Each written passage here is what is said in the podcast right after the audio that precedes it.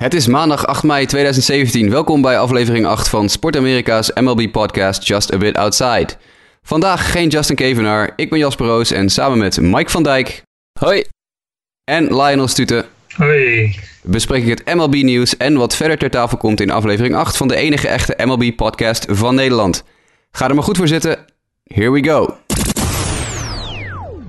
Ja, en dan beginnen we zoals elke week weer met het moment van de week. We hebben allemaal weer een één moment, of in ons geval, in dit geval twee momenten uitgekozen die ons deze week opvielen. Beginnen we met jou, Mike. Wat waren jouw momenten van de week? Nou, het eerste moment wat ik heb is het debuut van relief pitcher Bobby Wall. Voor velen misschien onbekend. Uh, het is een relief pitcher bij de Oakland Athletics. Ik heb hem vijf jaar, zes jaar geleden uh, in college zien spelen bij Ole Miss. Toen was hij de Friday Night Starter, zoals dat dan heet. Uh, de ace van de rotation. Toen is hij gedraft door Oakland.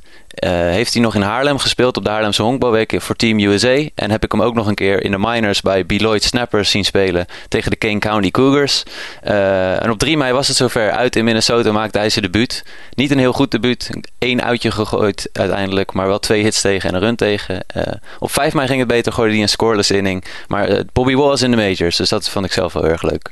mijn andere moment is de, de walk-off home run, oh, nou, niet de walk-off home run, maar de home run van Brad Gardner tegen de Chicago Cubs afgelopen vrijdag. Het was een mooie negende inning waarbij de Yankees een, een comeback, uh, mooie comeback maakten tegen de Cubs. Uh, onvergetelijk voor mij. Ja, te gek. was een, inderdaad een heel erg uh, mooi moment voor Gardner om die home run te slaan. Dat was een behoorlijke tik bij de Cubs.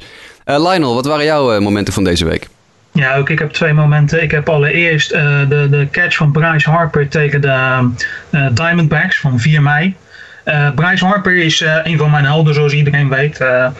Hij gaat altijd als een, een slagman die de andere kant op slaat, uh, gaat hij wat naar binnen staan. Waardoor er dus meer ruimte aan de zijkant tussen de tribune en, en hem komt te liggen. Dus hij moest echt sprinten en zich echt uitstrekken om de bal te pakken, maar hij had hem. En voor mij is dat zoiets, dat is waarom ik naar honkbal kijk. Weet je gewoon, ik wil iets zien waarvan ik denk van nou, ik weet niet of ik dat zelf ook wel zou kunnen. Gewoon echt, ik wil echt verbaasd worden. En over verbaasd worden, ook mijn tweede moment, dat gaat over uh, Clayton Kershaw in de wedstrijd tegen de Padres van uh, zaterdagavond 6 mei. als we kijken, we hebben eigenlijk in, in deze podcast nog weinig aandacht besteed aan Clayton Kershaw. Waaruit je een beetje kan afleiden dat we het haast normaal gaan vinden hoe hij speelt. Maar wat hij doet is natuurlijk gewoon niet normaal. En als je hem dan ziet gooien en hoe soepel dat allemaal gaat, ik blijf het bijzonder vinden. Ja, het blijven natuurlijk twee absolute supersterren. Clayton Kershaw en Bryce Harper. Uh, daarmee kan je wel een, uh, een MLB-seizoen doorkomen. Uh, mijn twee momenten van de week zijn... het was de Week of Firsts. En dat wil zeggen Joe Mauer, welbekende Minnesota Twin, jarenlang al in de majors...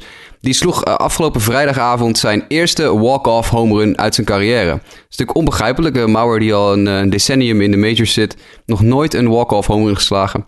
Afgelopen vrijdag was daar zijn eerste in het duel tegen de Boston Red Sox. Waardoor de Twins met 4-3 wonnen. Uh, 14 jaar heeft het hem gekost voor, voor hij zijn eerste walk-off home run sloeg. Dat was wel een, een mooi moment. Diezelfde avond, het was een, een avond van mijlpalen. Matt Elbers van de Washington Nationals, uh, longtime relief pitcher in de majors, die al 102 wedstrijden geëindigd had in zijn carrière zonder daarvoor een save te verdienen, verdiende eindelijk zijn eerste save uit zijn carrière uh, in het duel van de Washington Nationals tegen de uh, Philadelphia Phillies. De, de, wedstrijd eindigde in een 4-2 overwinning voor de Nationals en Elbers haalde na 102 geëindigde wedstrijden en 460 wedstrijden waarin hij gepitcht heeft voor het eerst zijn save. Dus dat uh, ja, waren toch uh, twee mooie momenten voor twee veteranen in de, in de Major Leagues... die eindelijk voor het eerst hun uh, ja, een statistiekje konden invullen. En als we het toch over firsts hebben... we hebben dit weekend ook het eerste team dat de 20 wins grens gehaald heeft. Dat zijn de Washington Nationals. Het eerste team in de majors naar 20 wins. En de Toronto Blue Jays, het eerste team met 20 verliespartijen op het bord. Daar gaan er nog wel meer komen. Maar dat was het weekend van de firsts... En daarmee is deze show stevig afgetrapt en knallen we meteen door naar MLB News and Notes. MLB News and Notes. En dan beginnen we zoals inmiddels traditie is in deze show, zoals altijd met ja, het, het, het terugkerende soapsegment As the Marlins Turn. Want er is weer nieuws over de Miami Marlins en de verkoop van de Miami Marlins. Zoals altijd onze correspondent ter plaatse Lionel Stute. Lionel, wat kan je ons vertellen over de nieuwe ontwikkelingen op Marlins gebied? Nou, laat ik het eerst nog even over de oude ontwikkelingen hebben. Het is, uh, het is inmiddels, we zijn er al zo lang over bezig dat het misschien niet helemaal meer duidelijk is waar het nu precies om gaat.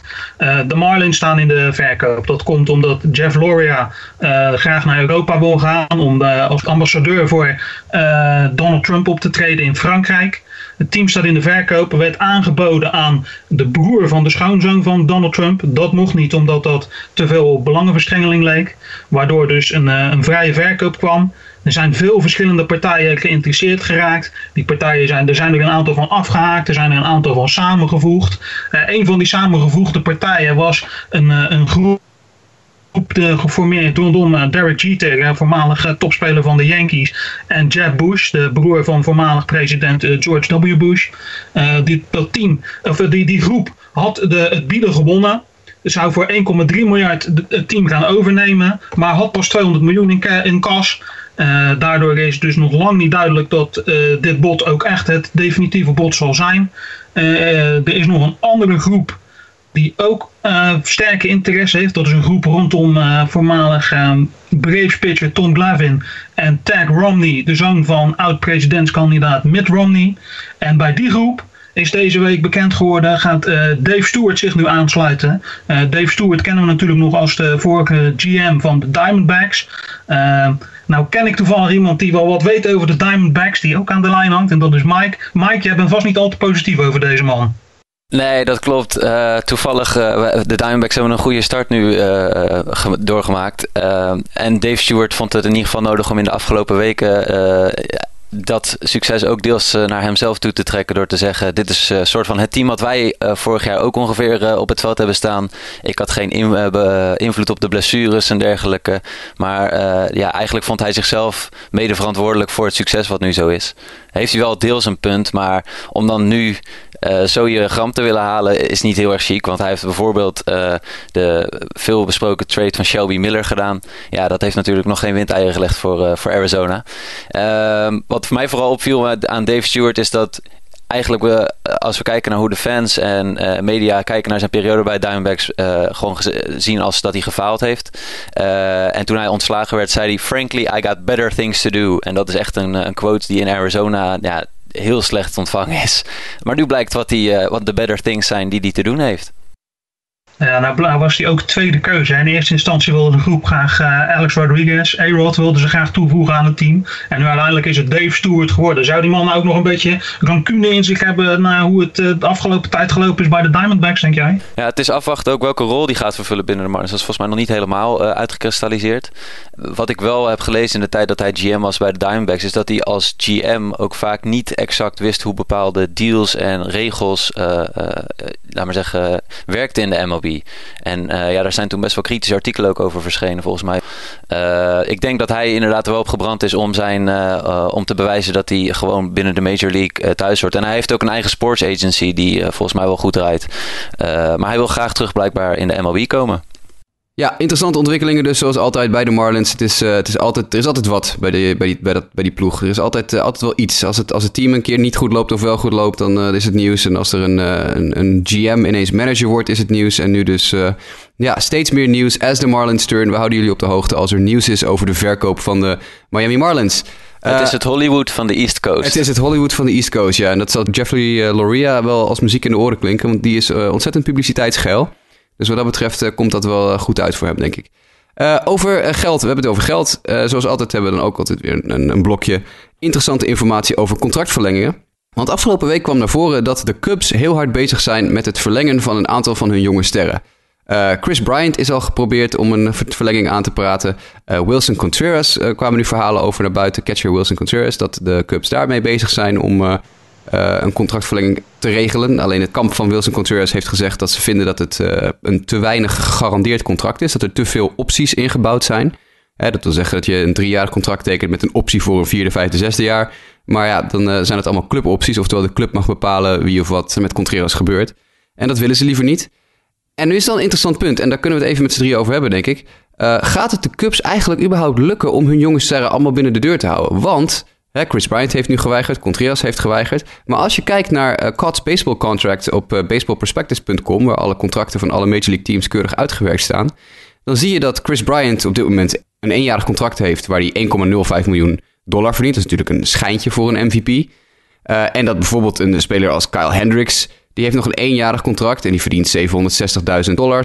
Addison Russell verdient pak een beetje 600.000 dollar voor dit jaar nog. Javi Baez heeft nog een eenjarig contract voor 600.000 dollar. Kyle Schwarber verdient 550.000 dollar. Uh, dit zijn echt hele kleine bedragen. Wilson Contreras ook 550.000 dollar. Maar dit zijn allemaal contracten die dit jaar, na dit jaar aflopen en in arbitration enorm veel omhoog gaan. Nou, de Cubs hebben nu een payroll, een totale payroll van 172 miljoen dollar. Dat is heel hoog. Maar als je kijkt naar al die jongens die aan het eind van dit jaar een contractverhoging krijgen vanwege het feit dat ze in arbitration terechtkomen. Ja, dit is een, team dat wel richting de 230, 240 miljoen dollar payroll kan gaan. Wat, uh, wat denk jij erover, Lionel? Ja, 230 miljoen, dat is natuurlijk niet op te brengen. Dus uh, je, je kan ervan uitgaan dat, dat het team zoals het nu staat, dat, uh, ik kan me niet voorstellen dat dat op die manier bij elkaar blijft. Dat gaat ze gewoon te veel geld kosten. Maar ja, dan moet je gaan beslissen wie wil je houden en wie doe je weg. En daarin, uh, we hebben er wel in het verleden wel eens grappig over gedaan, ook onderling. Van ja, als je nu bij de Cubs in het, in het farmsysteem zit, dan kan je net zo goed popcorn gaan verkopen, want je komt toch niet aan het spelen toe. Maar dat is natuurlijk helemaal niet gezegd op deze manier. Want er zullen toch plekken open gaan vallen. En het is natuurlijk uh, af te wachten van uh, wie, gaat, wie gaat er blijven en wie gaat zijn uh, heil elders zoeken. En hoe ver willen de Cubs gaan voor bepaalde spelers. Ik bedoel, voor Chris Bryant, die nu al een, een, een MVP-titel achter zijn naam heeft staan, ga je misschien wat verder dan voor, ja, noem eens iemand. Iemand die niet zo goed presteert. Ja, precies. En dan moet je ook in de gaten houden dat natuurlijk een paar grote namen wel hun contract loopt af eind van dit jaar. Jake Arrieta bijvoorbeeld. Die verdient dit jaar 15,6 miljoen dollar. Maar zijn contract loopt aan het eind van dit jaar af. Uh, dat is een arbitration eh, contract overigens. Dus dan moet je nagaan hoe ontzettend hoog die, die prijzen kunnen worden als je goed speelt. Het Arietta was natuurlijk het vorige seizoen uitstekend. Um, maar er is ook nog best wel veel geld verstopt in veteranen. Hè? Uh, ben Zobrist heeft nog drie jaar op zijn contract te gaan. En nog dik 50 miljoen dollar. Nou, Zobrist is ook een dagje ouder. John Lackey heeft nog 32 miljoen op zijn contract zitten. 16 eh, miljoen nog op, op zijn contract, nadat hij zijn verlenging vorig jaar tekende. Uh, die verdient dit jaar ook gewoon 16 miljoen dollar. Dat zijn enorme prijzen. Uh, John Lester, die nog 155 miljoen dollar heeft getekend toen. Jason Hayward, die nog voor weet ik hoe lang en voor 150 plus miljoen vast ligt. Dit Cubs team moet keuzes gaan maken. Mike, welke keuzes zou jij nou maken als jij de Cubs was? Hè? Wat doe je met, je met je dure veteranen? Probeer je die te shoppen? probeer je jongere spelers te verlengen? Of ga je jongere spelers gebruiken om je minor league systeem weer wat op te sterken. Wat, wat zou jij doen? Stel je bent Theo Epstein. Hoe pak jij dit aan zodat je team payroll niet de pan uitreist? Nou, wat je zelf al net aangeeft, is dat er een aantal spelers onder contract staan, uh, nog voor langere tijd, maar die wel een groot salaris hebben. Dus ik zou eerst kijken, kijk, dat is ook in het voordeel van de, van de Cubs. Ik zeg niet dat ze het moeten gaan doen, maar je hebt bijvoorbeeld Jason Hayward. Die speelt dit seizoen eindelijk wel wat beter ten opzichte van vorig seizoen en heeft wel een groot contract. Nou ja, als je vindt dat de jeugdspelers uh, die je graag wil behouden, neem een Chris Bryant, een, een betere toekomst tegemoet gaan. Nou ja, dan zou je eigenlijk moeten kijken hoe je zo'n groot contract de deur uit kan doen. misschien met een, een goede trade ik denk dat de Cubs bold genoeg zijn om dat soort dingen uh, uit te gaan zoeken. Dus ik, ik, ik, denk eigenlijk wel dat ze uh, zoiets gaan doen. Er is nog een speler, Miguel Montero heeft ook een flink salaris. Eigenlijk denk ik dat ze gaan proberen die grote contracten weg te doen, zodat ze de jonge spelers kunnen verlengen. En ik, ja, ik, ik zelf zou daar ook voor kiezen.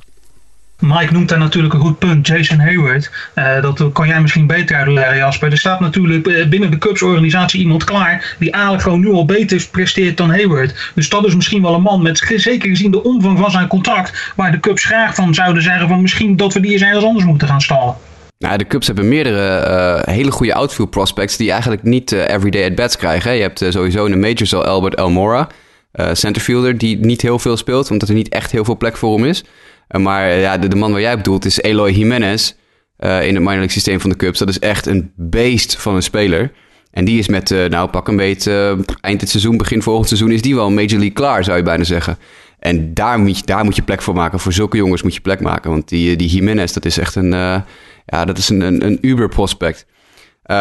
Ehm, ik vraag me af of Hayward te shoppen is. Hij heeft nog zoveel geld op zijn contract zitten. Er zijn maar weinig teams die dat kunnen betalen. En Hayward heeft natuurlijk dit seizoen eigenlijk pas voor het eerst dat hij bij de Cup speelt een redelijke start.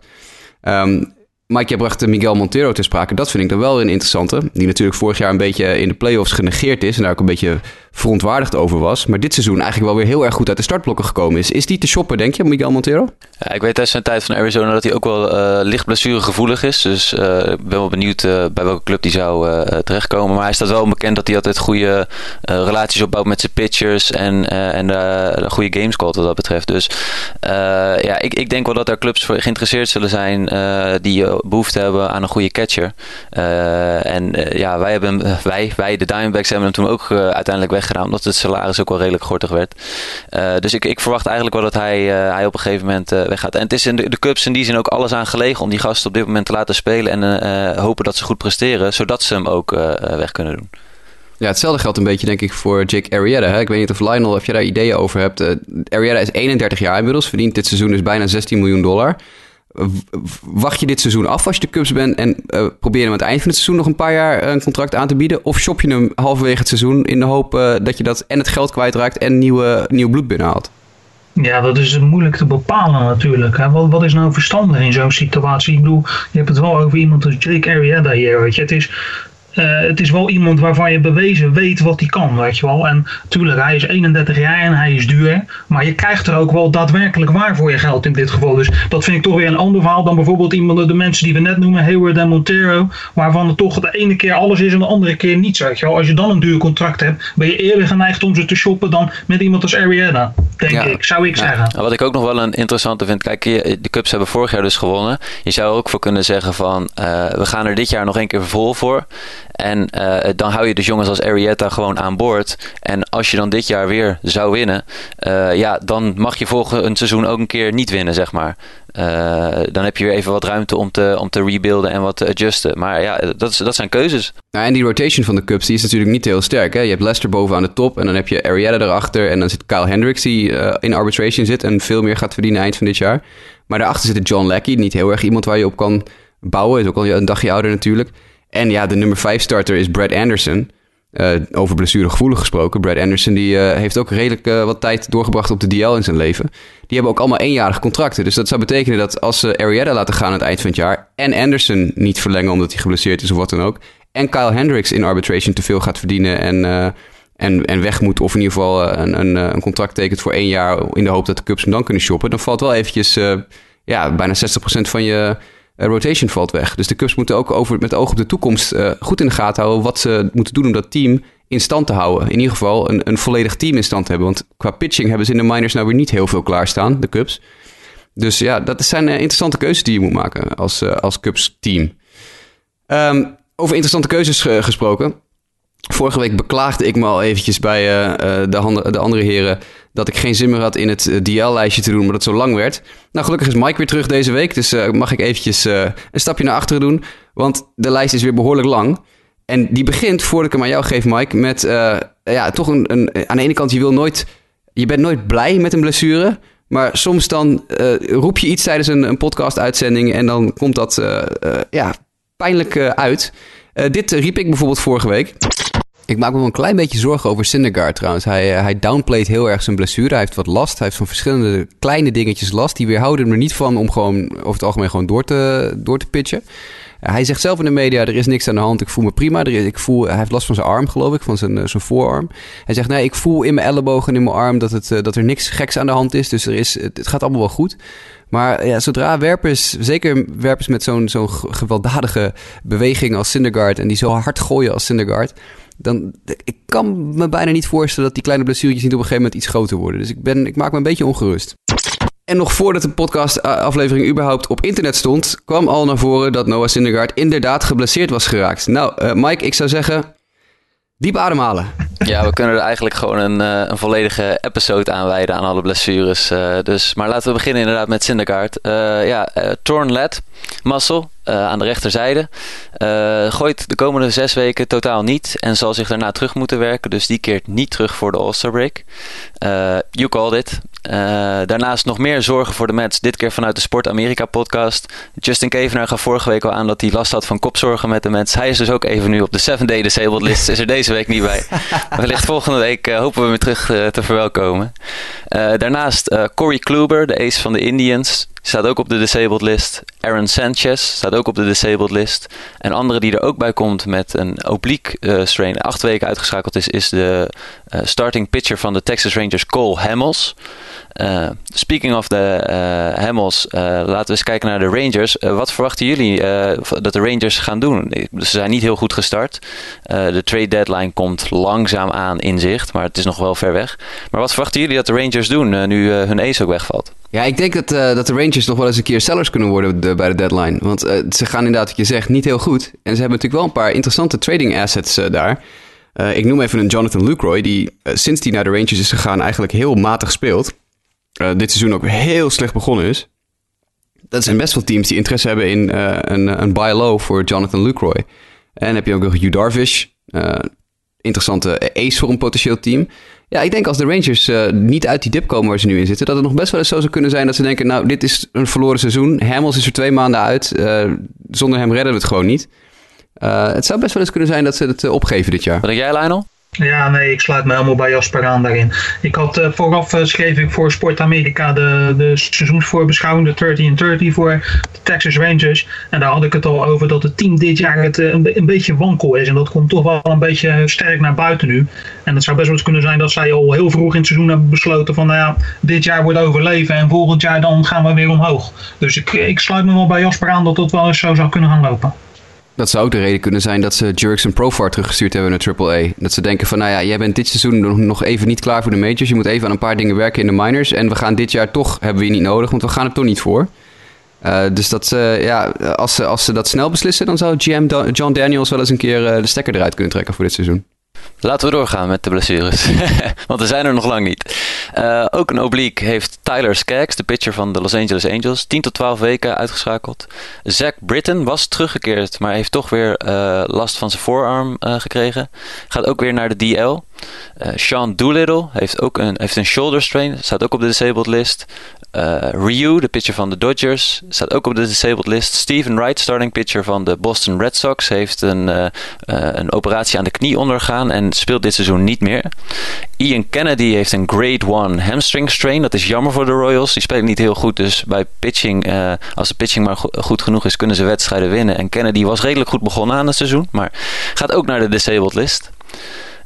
dan komen we bij Nate Jones uit. Heeft neuritis in zijn elleboog is uh, terug over twee weken. Carlos Rodon, daar hebben we, uh, daar hebben we Jasper eerder over gehoord. Die is getransferd van de 10 DDL naar de 60 DDL. Heb je daar meer informatie over, uh, Jasper? Nou ja, de White Sox hebben hem uh, overgeplaatst inderdaad van de 10 naar de 60 DL. Maar vooral met terugwerkende krachten. Dus dan gaat niet vanaf nu gaan de 60 dagen tellen. Nee, alle dagen dat hij op de DL heeft gestaan al tellen al mee voor je, voor je 60 DDL stint. En dit hebben ze puur gedaan omdat hij voorlopig nog niet, uh, niet fit is. Hij heeft uh, vorige week even gegooid op het veld van de White Sox onder het toeziend oog van Herm Schneider, de trainer. En Dan Cooper, de pitching coach. Uh, en ja, hij is nog niet helemaal hersteld van zijn bicep-blessure. En waarom zou je risico nemen in een jaar dat je eigenlijk niet uh, meedoet voor de prijzen? Of in ieder geval niet de bedoeling is dat je meedoet voor de prijzen. Uh, dan neem je met je, met je, je million dollar arm natuurlijk geen, geen risico's. Dus ik denk dat dit gewoon een formaliteit was. Oké, okay, dan gaan we verder. Jameson Tyone is naar de 10-day disabled list, heeft een groin discomfort. Uh, Sean Kelly, 10-day disabled list, een lower back strain. Dan komen we bij twee Marlins starting pitchers aan. Uh, Wei Yin Chen heeft een tired arm naar de 10-day disabled list. En Edison Volquez is ook naar de disabled list, heeft een blaar. Uh, dat zijn toch twee ja, veteranenarmen in de, in de Marlins bullpen. hoe zien jullie dat dit de Marlins beïnvloedt? Nou ja, over de Marlins kunnen we wel iets zeggen wat dat betreft. De Marlins hebben het moeilijk. Uh, de Marlins krijgen in meer dan de helft van de wedstrijden gelijk al in de eerste inning een, uh, meer, een of meerdere runs tegen. Dus op het gebied van pitching zit er toch wel iets niet helemaal lekker. En als dan ook nog eens twee man wegvalt en je gaat met uh, jongens van onderaf werken, dan, ja, dan wordt het waarschijnlijk alleen maar minder. Al hoeft dat niet zo te zijn natuurlijk. Het kan ook zijn dat er nu ineens iets, iets in elkaar valt waardoor het juist de goede kant op gaat. Dat het een geluk bij een ongeluk is. En dat de mannen die nu wegvallen, dat die nu uiteindelijk juist de zwakke schakels blijken te zijn. Het probleem dat de Marlins hebben vooral is dat ze echt een van de slechtste minor league systeems uh, hebben in de Major League. Er zit helemaal niets achter wat eventueel een vervanging zou kunnen opleveren. Uh, afgelopen winter uh, verkochten ze onder andere hun, een van hun top pitching prospects aan de Cincinnati Reds in ruil voor Dan Straley. Dat was Luis Castillo. dat is nou de enige jongen die nou misschien nog in dit geval had kunnen inspringen van oké, nou vooruit, geef dan Castillo maar een kans. Uh, maar ja, die is het uh, in Cincinnati in, uh, in AAA volgens mij. Dat klopt, Dus ja, ja dus ze hebben helemaal niks in, in, in Miami wat ook maar dit gat kan vullen. Die twee jongens die in één keer wegvallen, ze hebben gewoon niks. Nee, absoluut. Nou, dat is ook wat ik bedoelde te zeggen. Het is, ik probeer het dan nog een beetje mooi in te kleuren van dat er iemand opstaat ja. uit het niets. Maar als je heel eerlijk bent, kijk, het was al niet best. En het wordt waarschijnlijk alleen nog maar minder nu. Weet je. Dit is wel echt een, een, een aderlating voor dit team. En dus Volkers overigens is iemand die in de, de helft van zijn start al direct in de eerste inning runs om zijn oren kreeg. Hè? Dus die, die, die deelt al in deze malaise. Dus dat hij daar tussenuit valt is niet direct uh, een, een, een, een, een, een, een punt waarvan je zegt van ja, dat was nou nog de enige die zich daaraan Dat is absoluut niet waar. Nee, klopt. Nee, klopt. Oké, en dan gaan we over naar de batters. Austin Jackson is naar de disabled list met een overstrekte grote teen. U hoort het goed, een overstrekte grote teen. Jasper, wat vind je daarvan? Ja, we hadden het hier in de, pre, in de pre-production meeting al even over. Dit is... Uh, Austin Jackson, ik heb hem heel veel gezien. Uh, speelde jaren voor de Detroit Tigers. Die zit in dezelfde divisie als de White Sox. Dus dan zie je heel veel Austin Jackson. Hij, vorig jaar heeft hij uh, een seizoen lang op de payroll van de White Sox gestaan. Ik zeg dat bewust zo. Hij heeft niet een seizoen lang voor de White Sox gespeeld. Want na een eerste maand uh, had hij een beetje last van zijn knie. En dat werd twee weken last van zijn knie. En toen werd een operatie aan zijn knie. En toen was hij er drie weken uit. En toen was hij er zes weken uit. Puntje bij paaltje hebben we het hele seizoen niet teruggezien. Austin Jackson heeft altijd wat. En ik vond dit zo'n ontzettende, ook weer echt een overstrekte grote teen. Dude, doe normaal. Kom op. Nou ja, dan gaan we door naar de volgende blessure. Adam Eaton. Vorige week hebben we het er ook al over gehad. Jasper gaf het eraan. Uh, die heeft uiteindelijk uh, uh, zijn ACL gescheurd. Dus die gaan we dit seizoen ook niet meer in actie zien. Greg Bird is ook naar de disabled list met een enkel blessure. Dan is Steven Pescari van de Cardinals ook naar de disabled list. Uh, Tony, Tommy Pham is opgeroepen voor hem uit AAA. Uh, eh, en dit weekend is ook Adrian Gonzalez naar de 10-day disabled list gegaan. Uh, wat betekent dat voor de Dodgers? Ja, dit is weer zo'n bullshit DL-stint. we hadden het er een paar weken geleden al even over met die gast van de Texas Rangers. Die, die, die reliever die, ja, die zogenaamd dan een beetje gekneusde hand had of zo. Maar die moest gewoon eventjes een break hebben van 10 dagen. Dit is, dit is echt een, een, een onzin DL-stint weer. Scott White van CBS Sports voorspelde dit uh, donderdagmiddag al op de radio. En toen zei hij van ja, eh, hij zegt het kan bijna niet dat Cody Bellinger, die zo goed staat te spelen, die zou eigenlijk teruggestuurd worden naar AAA. En dan zou Adrian Gonzalez weer fulltime gaan spelen. Nou, Cody Bellinger hebben we allemaal uh, buitenaardse dingen zien doen deze week. Die staat geweldig te ballen voor een rookie. Scott White zei in de uitzending ook al van... ik, ik denk niet dat, uh, dat, dat ze Bellinger naar AAA gaan terugsturen. Ik denk dat ze gewoon de, de 10-day DL weer gaan gebruiken voor Adrian Gonzalez... die heel slecht staat te ballen. Om hem gewoon eventjes een, uh, een breather te geven. Even een momentje van uh, even rust. Zodat Bellinger gewoon nog tien dagen lang door kan spelen. Dit is, dit is precies wat er gebeurd is. Scott White had helemaal gelijk. Adrian Gonzalez is met een of ander onzinnig blessuretje op de DL gezet. En dat betekent dat we nog tien dagen kunnen genieten van Cody Bellinger ik vind het niet erg, want ik vind Cody Bellinger geweldig. En ik heb helemaal niks met Adrian Gonzalez. Maar dit is natuurlijk gewoon misbruik maken van die DL. Ja, ja, je ziet gewoon best wel veel uh, meer blessures, vind ik, uh, door die 10-day disabled list uh, ontstaan. Of in ieder geval wat je zelf eerder ook al aan hebt gegeven in een eerdere aflevering. ja, voorzorg of, of, of net even wat meer rust geven. Dat is heel makkelijk gedaan met die 10-day disabled list. En Bellinger is inderdaad ja, goed van start gegaan in de majors. Ja, absoluut. Dan is er ook goed nieuws. Dit waren de blessures tot zover. Ja, het is uh, iedere week weer een, echt een, waslijst van je welste. Ik weet niet wat. Een, meestal is dat alleen toch bij de NFL zo dat uh, de ene naar de andere speler zwaar geblesseerd raakt. Maar het gaat bij honkbal. Ja, het lijkt wel.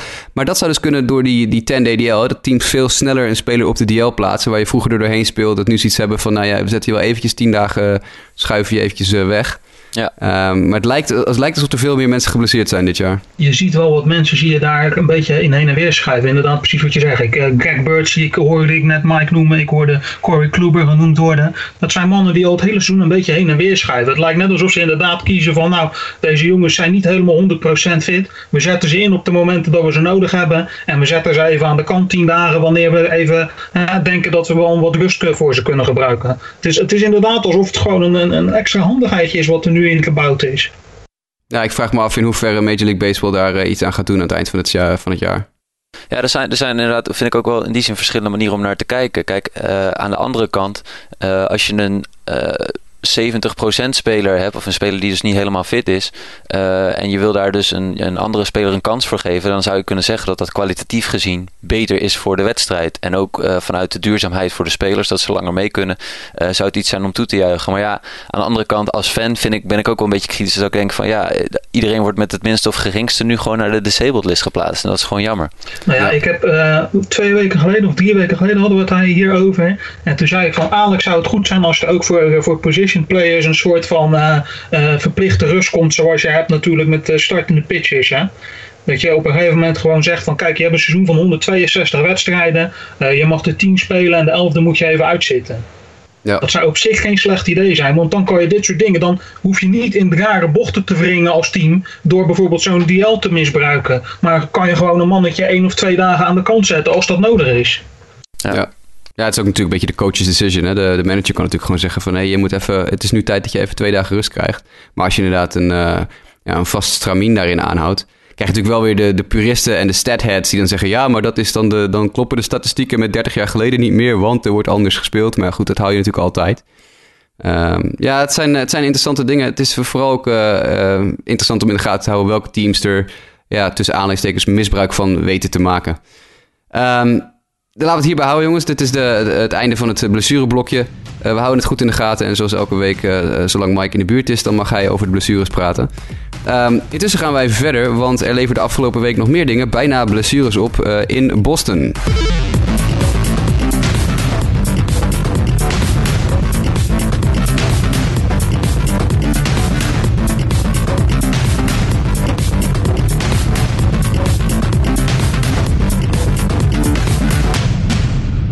Kan je niet ontgaan zijn. Afgelopen week uh, was het gedonder aan tussen de Red Sox en de Orioles. Uh, teams die uh, bij elkaar in de divisie spelen. de laatste paar jaar ook behoorlijke rivale band aan het opbouwen zijn.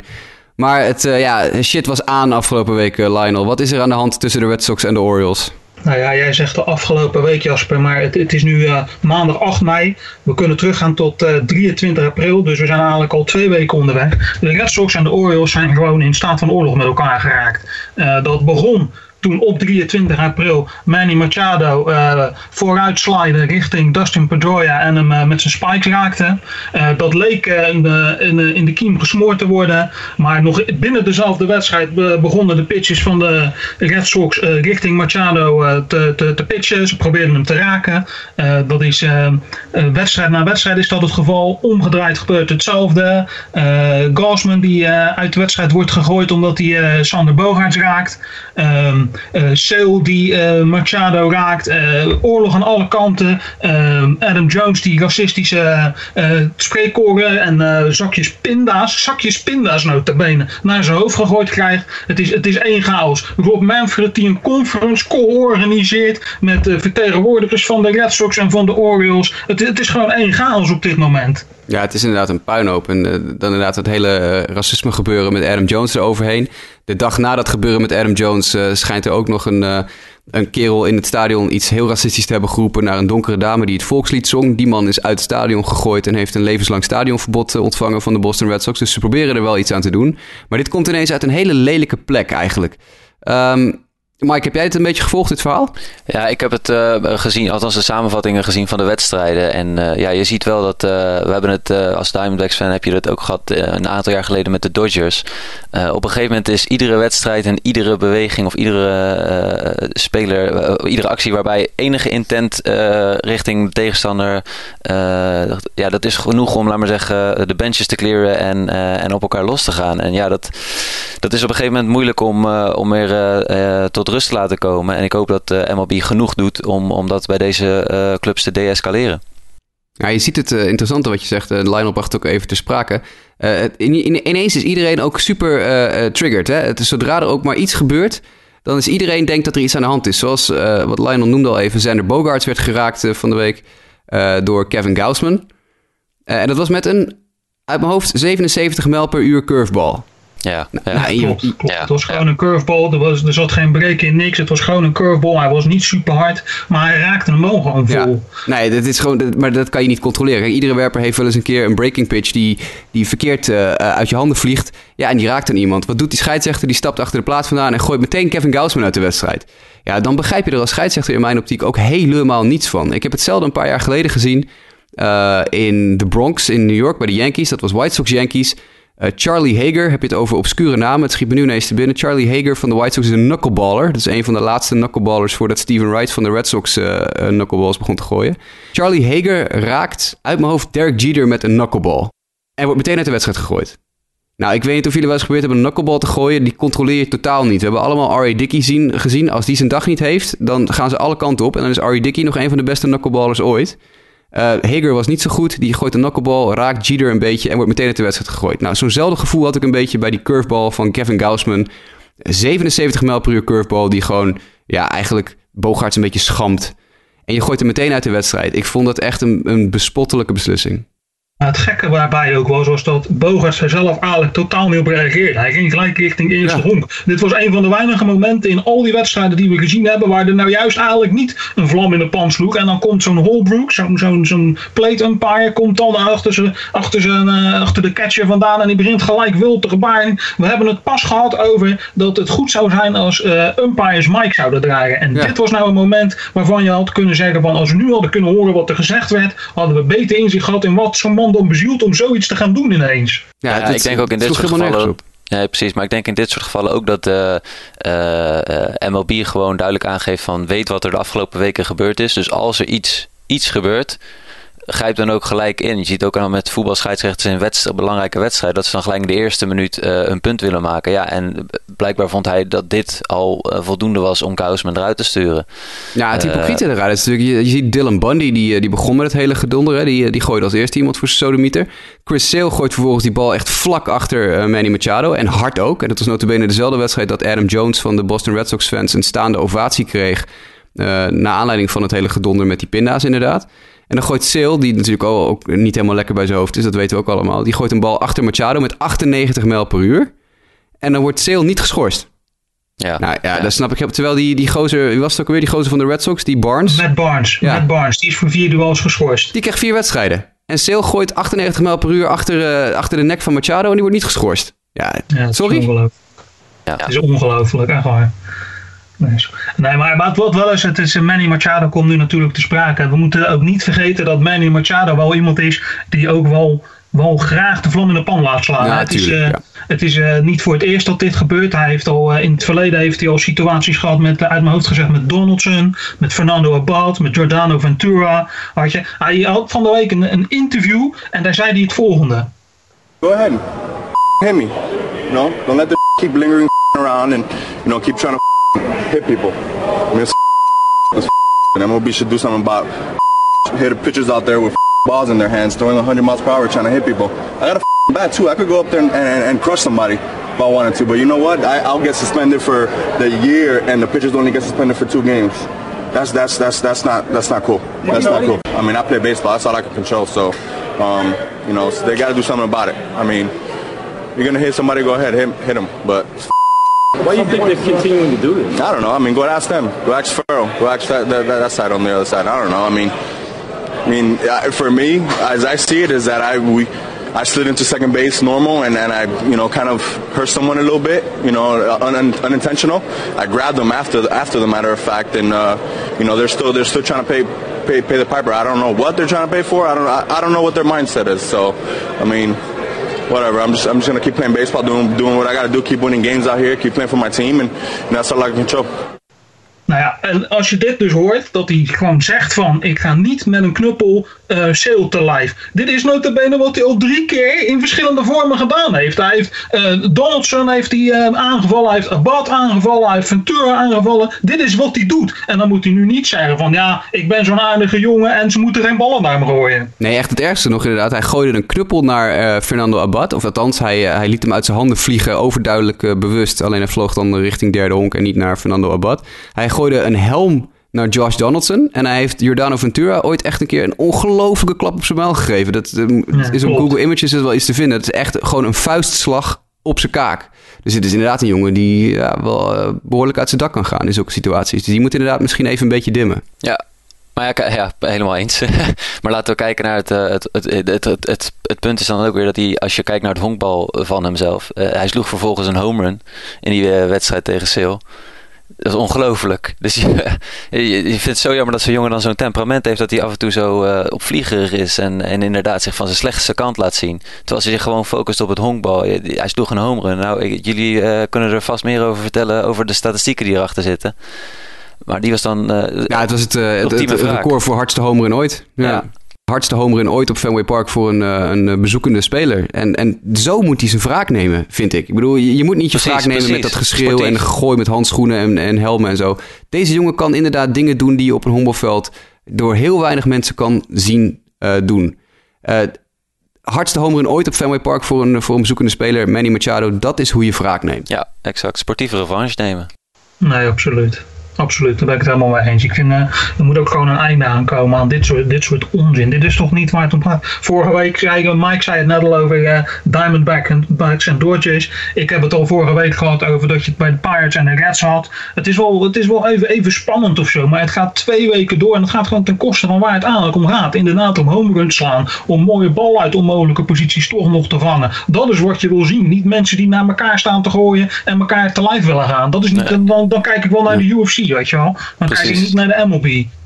Nou, laatste hierover. Is dit nu voorbij, heren? Of denken wij dat dit nog een keer de kop op gaat steken dit seizoen? Deze, deze teams komen elkaar nog veel tegen dit jaar. Is het afgelopen, Mike? Ik, ik, ik hoop dat het afgelopen is. Als het nog niet afgelopen is, dan zal dat denk ik pas zo laat mogelijk in het seizoen. eh, als een van de teams eh, net uitgeschakeld gaat worden en ze nog een series tegen elkaar hebben, zal het dan weer een keer gaan opspelen. Maar ik hoop dat het gewoon klaar is. Lionel? Ja, ik denk dat het broos is. Ik denk dat eh, elke, de beide teams elke wedstrijd in zullen gaan met het idee van, nou, we gaan vandaag normaal spelen. Maar zodra er ook maar één bal een klein beetje verkeerd uit een, uit een hand van een pitcher vliegt, of als er een knuppel losgelaten wordt, of iemand komt te hard op een honk afrennen, dan zal het gelijk weer in de, vla- de vlam in de pan slaan. Daar ben ik van overtuigd. Dit is nog niet, het is nog niet eh, geheel gesust. Nee, nee, ik ben er ook bang voor. Ik, eh, ik denk dat dit nog wel eens een keer een staartje kan krijgen. En zeker als scheidsrechters zoals Sam Holbrook van de week eh, trigger happy blijven met hun eh, ejections, dan kan dit nog wel eens vervelend worden. Ehm, minder vervelend eh, zijn natuurlijk statistieken. Statistieken zijn leuk, daarom kijken we honkbal, want we zijn gek op statjes. Maar er zijn soms statistieken die een beetje onder vuur komen. Bijvoorbeeld de save.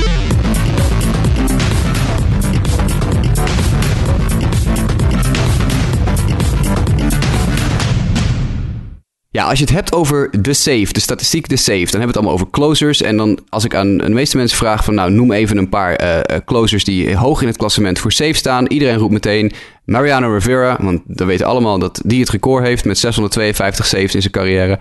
Eh, Trevor Hoffman is ook een naam die veel naar voren komt. Dat is de nummer 2 op de lijst. Die heeft 601 saves. Eh, de derde man op de lijst is wat, eh, wat obscuurder. Dat is Lee Smith van de St. Louis Cardinals met 478. En dan zakken we de lijst verder af via Frankie Rodriguez, eh, John Franco, Billy Wagner. Nou, Papelbon staat er nog ergens halverwege. Raleigh Fingers is een naam die je nog wel tegenkomt. Maar dan hebben we het dus over saves. En dan worden saves gekoppeld aan de beste reliefwerpers ooit. Want heel veel mensen roepen, nee, Mariano Rivera is de beste reliefwerper ooit. Maar is hij dat eigenlijk wel? Is de save eigenlijk wel een reële stat? Geeft hij wel een realistisch beeld van hoe goed een werper eigenlijk is? Mike, duik er even in. Ja, nou ja, we hebben dit onderwerp ook eh, deels aangekaart eh, naar aanleiding van een, eh, van een artikel wat geschreven is op eh, 538.com. Eh het is de website waar Nate Silver achter zit, van, ook wel in het verleden betrokken geweest bij Baseball Perspectives en, en Pacoda. Het, artikel gaat erover dat eigenlijk de save geen zuivere statistiek is om te meten voor relief pitchers of ze nou echt goed zijn. Eh, en zij komen met een alternatief genaamd de Goose Egg. Nou, waar is het artikel eigenlijk mee begonnen? Is meer van hoe kan je nou ervoor zorgen dat je eh, de relief pitchers die je hebt, dat je de beste pitchers ook gebruikt op de momenten dat ze het meest nodig zijn. Eh, we hebben dat vorig jaar natuurlijk ook in de, de postseason gezien, waarin Andrew Miller bijvoorbeeld eh, veel eerder al werd ingezet dan de negende inning. En de hele redenatie is dat veel teams op dit moment nog steeds hun bullpen opbouwen naar de negende inning toe. Dus je hebt je traditionele setup man en dan krijg je je closer. En doordat hij de laatste drie uitjes maakt van de wedstrijd, krijgt hij een save als de score uh, drie of minder, of het verschil tussen de, in, in, de score minder dan drie is en hij de laatste drie uitjes maakt, krijgt hij een save. Nou ja, wat zegt dat nou eigenlijk? Dat is eigenlijk de discussie die, die het artikel wil starten. En uh, de achterliggende gedachte is van hoe gebruik je nou je beste pitches voor de moeilijkste situaties? En doen we dat op dit moment als je je team bouwt rondom de save? Uh, Lionel, jij gaf dat vorige week volgens mij ook aan in de, de episode. Hè? Ook, uh, toen hadden we het over de line-ups van Joe Girardi. Hoe zorg je nou dat je je beste spelers zo vaak mogelijk aan slag eh, laat komen. Nou, dit is eigenlijk hetzelfde. Alleen dan gekeken eh, eh, vanuit, vanuit de relievers. en het alternatief wat zij voorschrijven voor, voor de save is de goose egg. het ganzei. Wat natuurlijk te maken heeft met de nul, de vorm van de nul. Je wil zoveel mogelijk nulletjes houden. En goose komt, is eigenlijk een beetje dubbelzinnig. de voormalige reliever, iedereen waarschijnlijk wel bekend, Goose Gossage, is altijd wel goed voor een paar eh, one-liners die tegen statheads zijn en uh, zeer oldschool uh, georiënteerd. En uh, Goose Gossage was ook altijd dat hij vindt dat Mari hij was altijd kritisch over Mariano Rivera. Dat hij zei van ja, weet je, ik wil hem wel eens zien in de echte situaties. Want hoeveel van de saves die hij heeft waren nou eigenlijk met een, een voorsprong van drie en hoeft hij maar drie uitjes te krijgen. zijn redenatie is dat iedereen die niet in staat is om een three-run lead uh, in één inning vast te houden, eigenlijk niet eens in de Major League zou moeten zitten. Dus uh, ik weet niet wat jullie beeld daarvan is, Jasper en Lionel. Ja, ik vind ik ook. Ik vind dat hij wel wat heeft. Kijk, Goose Gossage is een beetje een mafkees. Die, die roept af en toe hele rare dingen. En die is ook heel erg uh, anti-vernieuwing in het honkbal. Dus hij zit er niet altijd, heeft hij het helemaal recht. Maar dit is wel een interessante manier natuurlijk om naar te kijken. Ja, dus ik zal even kort uitleggen wat de, uh, wat de Goose Egg dan inhoudt ten opzichte van de save. Uh, je hebt dus eigenlijk, uh, wat, wat wil een Goose Egg zeggen? Je krijgt een Goose Egg op het moment dat je een clutch scoreless relief inning gooit. En dat wil zeggen dat je een scoreless inning gooit vanaf de zevende inning in een wedstrijd waarbij de stand gelijk is of het team met niet meer dan twee punten de leiding heeft. je kan dus ook dat is een goede notie om te weten, in één wedstrijd meerdere goose eggs krijgen. Als je twee innings gooit, uh, dan krijg je dus twee goose eggs. Nou, waarom is het nou eigenlijk op gebaseerd? Dat heeft te maken met dat als je statistisch gezien kijkt naar de standen en de at-bats in de latere innings, dan zie je dus dat een at-bat in de negende inning, uh, als je kijkt naar de leverage index, dat is de term die zij gebruiken, uh, drie keer zo grote invloed kan hebben op de outcome van een game dan een gemiddelde slagbeurt. En afhankelijk van de score, dus als de, de score, uh, het, verschil niet groter is dan 2 en we praten over de zevende, achtste en de negende inning, dan is die leverage van een at-bat is een stuk groter. Uh, dus dat wil ook zeggen dat op het moment dat je moet pitchen in die innings, dat er dan meer druk op komt te staan om goed te presteren en het vast te houden. Nou, als jij dus in die situaties uh, de score weet vast te houden, dan kan dat je een goose egg oplevert, opleveren. hoe voelen jullie daarbij bij die definitie van als je een relief stat zo inricht? Ja, ik vind het, wat het, ik, vind, ik ben het ermee eens dat de, de save geen, geen geen goede weergave is van wat een reliever of een closer echt goed kan. Hè? Daar ben ik het helemaal mee eens. Maar als ik zo naar de uitleg luister, dan denk ik van het is wel extreem advanced hoe ze het dan willen gaan doen hè, met deze Goose X. Misschien moet je het naast elkaar laten bestaan. Ik denk ook, het is ook niet als uh, vervanging bedoeld. Ik denk ook dat ze voor nu laten ze ook naast elkaar bestaan. Maar ik zal nog even kort proberen uit te leggen, ook meer om het wat praktischer te maken. Stel, je komt in een wedstrijd, staat 7-6 in de achtste inning. 1 en 2 bezet. Als je dan een reliever inbrengt, uh, dan wil je ervoor zorgen dat die geen punten opgeeft. Geen earned runs en geen unearned runs opgeeft. Hij moet gewoon zorgen dat de boel dicht blijft.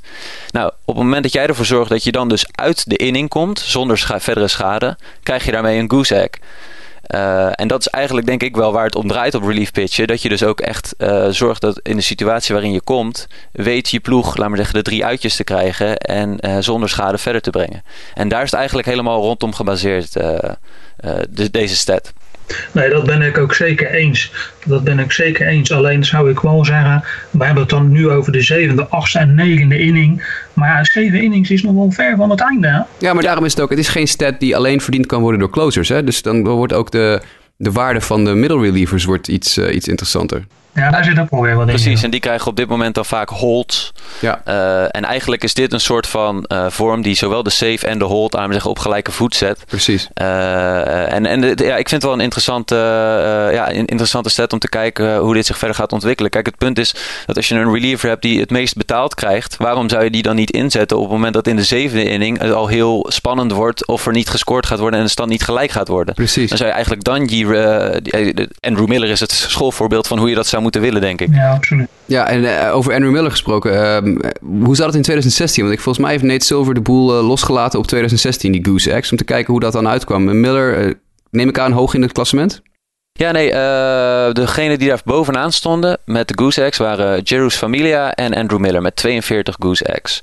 Eh, als je dat vergelijkt met de saves, Jerus Familia had 51 saves vorig jaar. Ja. Eh, maar goed, daar zaten dus ook een aantal saves tussen die dus ja, met drie punten voorsprong of iets dergelijks zijn. Waardoor dat dus niet Goose Eggs zouden zijn. Ja, dus het is eigenlijk het verschil van 9 geeft aan dat Familia eigenlijk in 42 eh, gevallen dusdanig dominant was en echt de boel echt gered heeft eigenlijk. Terwijl die eh, met 9 extra, dat was inderdaad een beetje een makkie, zoals Goose Gossage dan zou zeggen. Precies, precies. En voor Zach Britton, om even hem ook gelijk eh, eh, mee te nemen. Die had natuurlijk 47 eh, saves. Eh, die had uiteindelijk 40 goose eggs. Ja, en dan als je naar het lijstje afgaat, dan zijn er natuurlijk altijd werpers die... Hè, het verschil met Familia is 9, het verschil met Britain is 7. Eh, maar dan zie ik hier bijvoorbeeld het verschil met Tyler Thornburg. Die had maar 13 saves, want die speelde natuurlijk voor een slecht team. Hè, de, vorig jaar de Milwaukee Brewers, slecht team. Die had 13 saves, maar 39 goose eggs. Dus daar wordt Thornburg eigenlijk beloond voor het feit dat hij, ondanks dat hij voor een slecht team speelt en dus geen saves krijgt, heeft hij wel 39 goose eggs. Dat is maar drie minder dan Juris Familia. Dus hij was minstens net zo dominant als de nummer 1 in saves. Ja, en dan is het ook interessant om te zien hè, hoe wordt de ene nou financieel gewaardeerd ten opzichte eh, qua contract. eh, en de ander omdat die ene wel saves krijgt en de ander niet. Ja, Eh, dus het is wel interessant. Het is ook wel leuk om te weten. Het is een, een, een- gimmick eigenlijk een beetje. Maar je hebt van saves heb je natuurlijk als je een save niet verzilvert, dan wordt het een blown save. Een goose egg, op het moment dat je geen goose egg haalt of een goose egg vergooit, dan is het een broken egg. Ja. Dus dat is dan ook alweer een, een geestige gevonden ja er, zit- oplossing. er zitten echt verschillen tussen. Eh, dit is, ik, ik wil natuurlijk niet eh, onze landgenoot naar beneden halen, maar Kenley Jensen, die is echt, eh, heeft het grootste verschil van allemaal. Die heeft 47 saves had hij in 2016, maar maar 34 goose eggs. En toch wordt Kenley Jensen gezien als een van de meest dominante werpers in de majors. Dat is hij natuurlijk ook in zekere mate wel. Maar hij heeft natuurlijk wel enorm veel voordeel van het spelen voor een team dat hem voortdurend in save situaties van eh, meestal drie runs plaatst. Want de Dodgers scoren gewoon heel veel punten. Eh, de pitcher krijgt dan ook wel wat puntjes tegen hier en daar. Dus hij komt regelmatig in een safe situatie, maar altijd in een makkelijke safe situatie. Want er zit een verschil van 13 tussen zijn saves en zijn goose eggs. Terwijl bijvoorbeeld bij Sam Dyson van de Texas Rangers of Roberto Osuna of David Robertson eh, zit het verschil is 1 of 2 tussen de saves en de goose eggs. Dus die zijn dan wat dat betreft weer veel dominanter. En ja, zoals ik zei, de Thornburg is dan weer het omgekeerde. Die is nog veel dominanter dan zijn save record laat zien. Ja, hoe ik, er, hoe ik er dan vooral zo naar zou kijken is... gebruiken de Dodgers dan op die manier Kenley Jansen... eh, op de momenten dat ze hem het hardste nodig hebben? Eh, en ik denk dat daar voor hun best wel wat winst te behalen valt. Ja, want dat doen ze dus niet. Ze gebruiken hem eigenlijk alleen in safe situaties. Ja, ja. En Ja, makkelijker, maar- makkelijker. Nou zie ik hier een, een, eenzelfde lijstje, maar dan over de eerste maand van 2017. Hè? En daar zie ik bij de naam Kenley Jansen 7 saves, maar 8 goose eggs staan.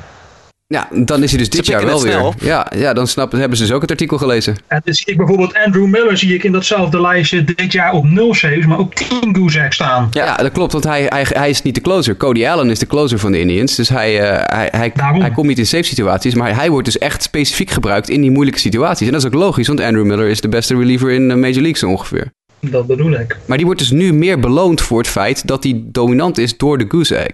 Dat is absoluut waar. Wat ik ook wel grappig vind Ah. is, is pro- proberen mensen dan... eh, proberen, zijn er dus ook teams die dus bewust eh, eh, een closer hebben om saves te scoren. Om laten zeggen, uiteindelijk die dan weg te doen naar een ander team. Terwijl ze weten, hè, weet je, een save... Ik, ik, ik, richt me gewoon op dat één speler goed scoort in de saves. En dan levert dat maar weer prospects op. Maar zelf willen we het uiteindelijk niet zo gebruiken. Ja. Maar ik, ja, ik, ik weet niet hoe, hoe dat gaat. Oh, Even de leiders inderdaad tot nu toe was tot eh, 4 mei. Brad Brock was de leider eh, op het gebied van Goose Eggs met 12. Gevolgd door Greg Holland met 11 en Andrew Miller en Chris Devinsky met 10. Ja, nou ja, Holland zie je dan zo weer als interessante figuur tussen uitspringen. Dat is dan een closer. Maar Devinsky bijvoorbeeld, die is, die is geloof ik, die is onderweg om uh, meer innings te gooien als reliever dit jaar dan de gemiddelde starting pitcher in de Major Leagues per seizoen gooit. Uh, dus dat is ook niet helemaal normaal natuurlijk. Nee, nee, nee. Ja, interessant. Leuke dingen. Dit zijn leuke dingen. Dit is natuurlijk, uh, het wordt geen officiële stat, want ik denk niet dat MLB uh, een stat als de Goose Egg in gaat voeren. Ze gaan het zeker geen Goose Egg noemen. Misschien dat ze het een andere naam gaan geven. Maar dit zijn ontzettend leuke ontwikkelingen. En Nate Silver is wat dat betreft, uh, ja, honkbalfanaat dat hij is, altijd wel interessant om even te volgen. Want die komt met leuke dingen tevoorschijn.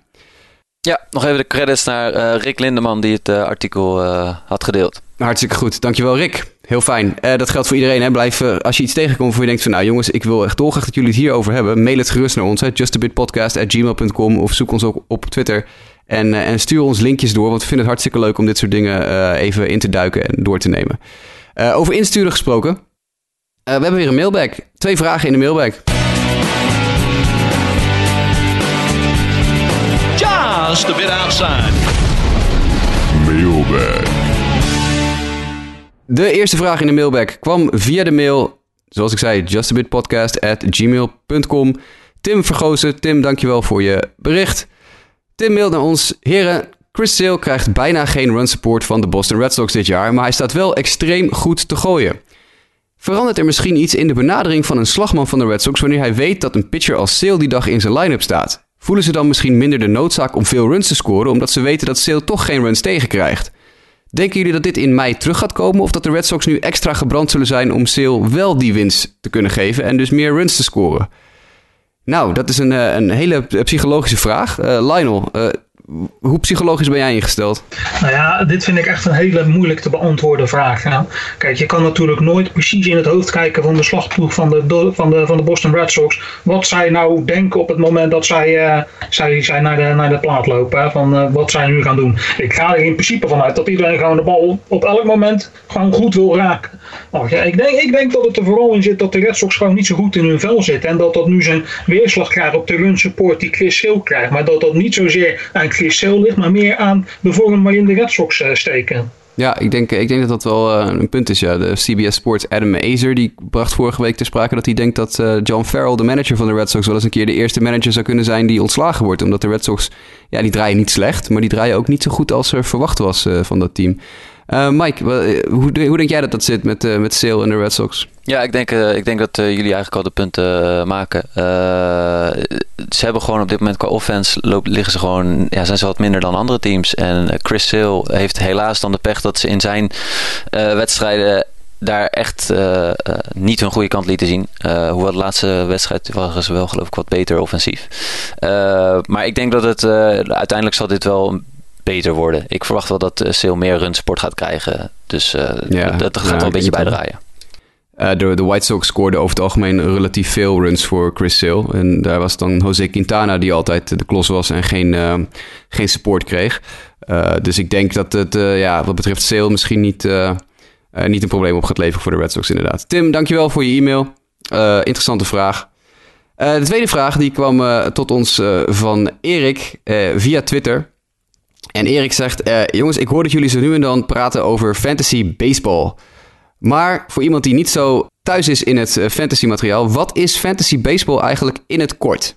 Nou, we hebben gelukkig een fantasy baseball expert, Mike. Mike, aan jou de taak. Wat is in het kort voor Erik fantasy baseball? Ik ga mijn best doen om het zo kort mogelijk uit te leggen. Maar uh, fantasy baseball komt er eigenlijk op neer uh, dat je manager bent van je eigen fictieve honkbalteam. Uh, je zit in een league van meestal 10 tot 14 teams en dan strijd je dus met andere mensen om de beste te zijn. je stelt daarbij je eigen team samen, waarbij iedere speler maar één keer in het spel zit. Nou, daarmee krijg je een team van Major League spelers van verschillende teams die voor jouw team uitkomen. En hoe zij presteren, dat is van belang voor hoe goed jouw team het doet. En hoe zij presteren, dat wil zeggen, er zijn van tevoren categorieën gedefinieerd. Vaak zijn dat uh, de offensieve categorieën uh, slaggemiddelde runs, RBI's, stolen bases en home runs. En de pitching categorie uh, wins, whip, ERA, strikeouts en saves. Nou, hoe jouw team presteert in die categorieën, dat wordt bij elkaar opgeteld. En daar moet je het zo goed mogelijk in doen, beter dan anderen.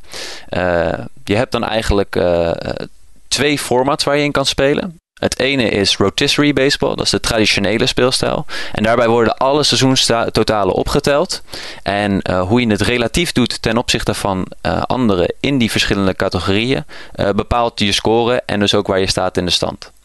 Uh, het andere is head-to-head. -head. Dat is eigenlijk een beetje een variant die ook wel bekend is in het uh, American Football Fantasy. Uh, dat wil zeggen dat je het iedere week tegen een andere deelnemer opneemt uit de competitie. En dat je moet proberen zoveel mogelijk van die categorieën te winnen. Dus als jij bijvoorbeeld die tien categorieën in die tien categorieën speelt en jij wint er zes van, nou, dan ben je die week die winnaar ervan. daar komt het eigenlijk op hoofdlijnen op neer. Ik weet niet of jij daar nog, nog toevoegingen op hebt, Jasper? Nee, wat is, jouw, uh, wat is jouw persoonlijke favoriet? Wat speel je liever, rotisserie of head-to-head? Ja, ik vind head-to-head iets, uh, iets dynamischer en leuker. Je, kan iedere week gewoon uh, kijken naar de, de, de, matchups. En uh, ja, het is gewoon een stuk dynamischer. Rotisserie is wel traditioneel en is gewoon wel leuk om te spelen. het is alleen echt wel de lange adem. Op een gegeven moment zijn de bepaalde categorieën echt wel bepaald wie de beste is en wie niet. En dan is het nog moeilijk om echt in de stand nog bij te komen. Dus head-to-head zou ik zeggen, als je begint, is een leuke manier om snel te leren. En, en iedere week proberen de beste te zijn. Ja, dat ben ik met je eens. Ik vind head-to-head ook uh, het leukst. Vooral ook omdat je één keer een hele slechte week kan hebben. En dan dus met, uh, weet ik veel, 7-3 kan verliezen of zo in de categorieën. Dan verlies je dus zeven categorieën en je wint er drie. Maar de week daarna kan je ook weer gewoon 10-0 winnen. Uh, dat hangt er maar net vanaf hoe, hoe goed een speler in vorm is op dat moment. En je bent ook wat meer echt aan het managen. Voor mijn gevoel bij Rotisserie ben je, je maakt een team... Uh, rotisserie teams zijn ook vaak veel groter. Hè? Die hebben dus een standaard opstelling plus een extra eerste honkman of derde honkman. Plus een extra korte stop of tweede honkman. Plus een DH. Plus, nou, noem maar op, noem maar op. Terwijl je in, uh, in head-to-head altijd gewoon een team maakt van zoals een team is. Negen veldspelers, een DH en uh, een pitching staff. en je kan, ja, denk ik, iets, iets makkelijker je team ehm, verbeteren in, in head-to-head dan in rotisserie. Want rotisserie is over het algemeen, ja, inderdaad wat je zegt, van de lange adem. Ja. Uh, dat is inderdaad, uh, ja, ik denk dat je dat heel goed uitgelegd hebt, Mike. Dat is in het, in het heel kort uh, fantasy baseball. Waar, waar, kan je fantasy baseball spelen? Mochten er luisteraars zijn die geïnteresseerd zijn in het oppakken? Het kan nog steeds. Je kan je nog steeds inschrijven en bij een league aansluiten. Waar, waar kan je dat doen? de meest gangbare zijn Yahoo Sports, CBS en ESPN. En wat heeft jouw voorkeur? Ik zelf ben uh, ESPN, maar ik weet dat jij een andere voorkeur hebt. ja, ik, ik, ik ben heel erg van Yahoo. Ik vind Yahoo iets, iets prettiger vormgegeven dan ESPN iets, iets uh, vriendelijker. Ik zou ook zeggen, heb je nog nooit fantasy baseball gespeeld? Uh, denk ik dat de, de learning curve bij Yahoo iets kleiner is. Dat je iets sneller door hebt hoe het allemaal werkt. al deze sites hebben overigens ook uitstekende apps. vooral Yahoo Sports heeft een prima app. Maar ESPN heeft vorig jaar ook een app geüpdate die er ook veel beter uitziet. Dus dan kan je ook je line-ups elke dag keurig bijhouden vanaf je telefoon. Dus je hoeft niet elke keer om 7 uur s'avonds snel naar je computer te rennen om je line-up in te stellen. Je kan dat gewoon vanaf je telefoon allemaal doen. Uh, spelers van de waiver wire uh, aantrekken en spelers droppen van je team als ze niet in vorm zijn, kan allemaal vanaf je telefoon. Dus dat is wel makkelijk. Uh, we zitten erover te denken om, om één keer in de zoveel tijd eens een, een, een losse fantasy aflevering uit te brengen. waarin Mike en ik dan eventjes lekker losgaan op hoe slecht of hoe goed onze teams het de laatste tijd doen. Maar uh, dat uh, houden we nog eventjes uh, in de pijplijn. We kijken nog even of we daar een, een mooi moment voor kunnen vinden. Hebben jullie fantasy vragen? Dan kan je die altijd wel stellen. Want we vinden het wel heel leuk om er af en toe over te praten. Ondanks dat Lionel dan altijd even koffie kan gaan halen. Want die, die is er nooit zo van. maar stuur ze gerust in. Vragen over fantasy, opmerkingen over fantasy baseball. Want ook daar kunnen we zo een uur over vol ouwe hoeren. Nou hoorde ik recentelijk, Jasper, dat er ook fantasy leagues staan, uh, bestaan waar, waar, je bijvoorbeeld alleen maar relievers mag uh, draften. Dat lijkt me dan wel weer heel leuk. Dus misschien dat ik me daar eens in ga verdiepen. Ja, er zijn inderdaad hele obscure... Je kan je instellingen altijd veranderen. Wat Mike net noemt, dat zijn de standaard instellingen. Als je gewoon een league begint, dan zetten Yahoo of ESPN... die zetten standaard instellingen hier. Maar die kan je ook veranderen. Zo zit ik in een league waar uh, ERA en WHIP vervangen worden door case per nine... En, uh, en nog wat meer obscure pitching stats. En heel vaak wordt uh, slaggemiddelde ook weggehaald. En dan komt OPS daarvoor in de plaats. Dus je kan, je kan helemaal een league vormgeven zoals je zelf wil. Er zijn zelfs, uh, is er zoiets als een two-catcher league. Nou zijn catchers over het algemeen niet de meest productieve fantasy spelers. Want ja, dat zijn gewoon over het algemeen niet de allerbeste slagmensen die je kan vinden. Maar dan heb je dus een league waarin je altijd twee catchers moet opstellen. Ja, dan krijg je dus inderdaad ook een plekje voor de Francisco Cervellis van de wereld in je team. En zo, die in een normale fantasy league nooit gedraft zouden worden. Er zijn nog geen leaks waar je goose eggs kan uh, verzamelen. Nee, dat, dat is nou inderdaad een interessant punt. Ik, eh, ik, ik wil voorstellen dat we allemaal even Yahoo of ESPN gaan spammen... en gaan vragen of ze volgend jaar inderdaad de goose egg uh, uh, willen toevoegen. dat zou wel extra prettig zijn. Um, met die goose egg is het, denk ik, ja, zijn we aan het einde gekomen van deze uitzending van Just a Bit Outside. Aflevering nummer 8 in de books. Volgende week eh, zijn we er weer, dan hopelijk met Justin. Maar er is deze week natuurlijk voldoende honkbal te kijken. Heren, wat, waar gaan wij ons deze week nou eens op focussen? Lionel, begin ik bij jou. Um, nou, laten we even kijken. Als we kijken naar de eerste maand, de eerste maand MLB is om. En als we kijken, dan zouden we kunnen zeggen: in de EL uh, zagen we duidelijk de Orioles als heel sterk team naar voren komen. En in de NL zagen we heel duidelijk Washington als sterk team naar voren komen. En wat wil het geval? Ze spelen deze week zowel in Baltimore als in Washington tegen elkaar. Dat wordt uh, ook wel de Beltway Series genoemd, omdat de teams natuurlijk uh, dicht bij elkaar liggen en de, de wegen ertussen de, Beltway. Um, en ik ben wel benieuwd hoe dit gaat uitlopen, hoe dit gaat uitpakken. Wie is nou eigenlijk de sterkste? Wie is, wie is de, de, de World Series kampioen van april, om het zo maar te doen? Ja, rivalenweek. Heerlijk. Ja, te gek. Uh, Mike, waar ga jij naar kijken deze week? Volgend weekend is Astros tegen die New York Yankees. Uh, de Astros zijn heel goed gestart, bovenaan de uh, AL West. En de Yankees staan ook gedeeld bovenaan in de AL East. Dus uh, ja, dat lijkt me wel een mooie serie om naar te gaan kijken. Ja, twee goede teams inderdaad, lekker in vorm. Dat kan nog wel eens wat spektakel gaan opleveren. Uh, altijd gegarandeerd spektakel. Cubs at Cardinals. Eind deze week en in het weekend uh, spelen de Chicago Cubs tegen hun grote rivaal in de divisie, de St. Louis Cardinals. En dat uh, levert altijd spektakel op. Natuurlijk de Jason Hayward-connectie zit daar nog bij. de Cardinals licht uitgekleed wat betreft een aantal spelers op de DL. Maar, en de Cubs natuurlijk niet in, in super doen. Dus dat kan nog wel eens een spektakelstuk worden volgende week aan het eind van de week. Nou, daarmee zijn we inderdaad aan het einde van deze uitzending. Heren, ontzettend bedankt voor jullie medewerking, ook op deze vroege zondagochtend. Want we namen dit op zondagochtend op en het was behoorlijk vroeg deze ronde. Graag gedaan. Ik hoop jullie volgende week weer te treffen en dan gaan we het uh, opnieuw hebben over Major League Baseball. Luisteraars, als jullie ons willen uh, bereiken, kan dat op, zoals gezegd, justabitpodcast.gmail.com. Op Twitter, Justin is at jwkev, Mike is at mdijk90. Ik ben at jaspernl met twee R'en. Sportamerika zit op Twitter, at sportamerika en op facebook.com slash sportamerika. Ontzettend bedankt voor het luisteren en tot volgende week.